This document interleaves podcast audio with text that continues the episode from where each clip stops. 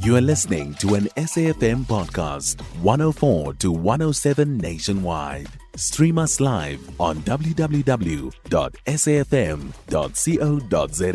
or via the SABC Plus app. SABC News, independent and impartial. The operation is was basically um, about those who are defaulting customers, um, non-paying customers, non-vending customers in Naturena, and illegal connections. And uh, illegal connections are actually minimal in Naturena, but you've got people that um, do have um, electricity connection, but they are not paying uh, for their for their for their services. They are not vending. They are not buying electricity, especially the prepaid. So we've got about thirty thousand uh, prepaid uh, customers around uh, Naturena, and only less than half of those are actually buying uh, electricity city and the debt uh, owed to the city sitting at around 300 uh, million rands uh, currently among within Naturena. And so that's why we decided to embark on this uh, operation to, uh, alongside Joburg Water and other city departments, to basically ensure that we force the residents of Naturena to do that. So, if you've got 3,000 um, people who are supposed to be on prepaid, and half of that um, is buying this prepaid electricity and the others simply aren't. Are those who, the other half, are these the ones who are connected illegally? Now the other half is basically so we've got uh, uh two uh, uh, different kind of customers in Naturena. Those that are actually buying electricity, uh, they're still there, and we really appreciate the fact that they're actually um, supporting the city in terms of, of, revenue collection. They're buying their electricity. They ensure that everything uh, that um, is municipal related is basically as you know in good standing.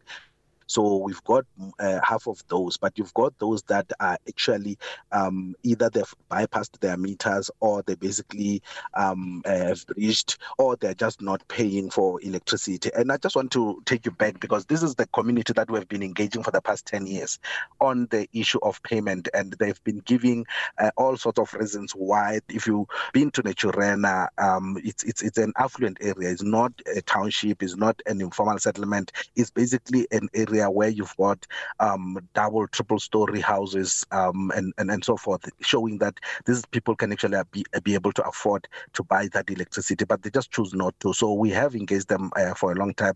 In recent weeks and months, we have been in Naturena. We they requested that we normalize um, the the electricity infrastructure. They requested that we we address the issue of cable theft, and uh, we spent about nine million rand since March this year to move the the the, the cable from a kind of substation to Naturena, from underground, which was copper cable, to the, uh, overhead, which is. Uh, basically the project that we did. And part of the uh, unit is that when we've done that, we can be able to normalize and install meters so that they can basically start buying electricity. But all of a sudden, they just decided not that they are not going to buy the the the, the electricity, and that's why we decided to come through and basically just uh, um, embark on this program.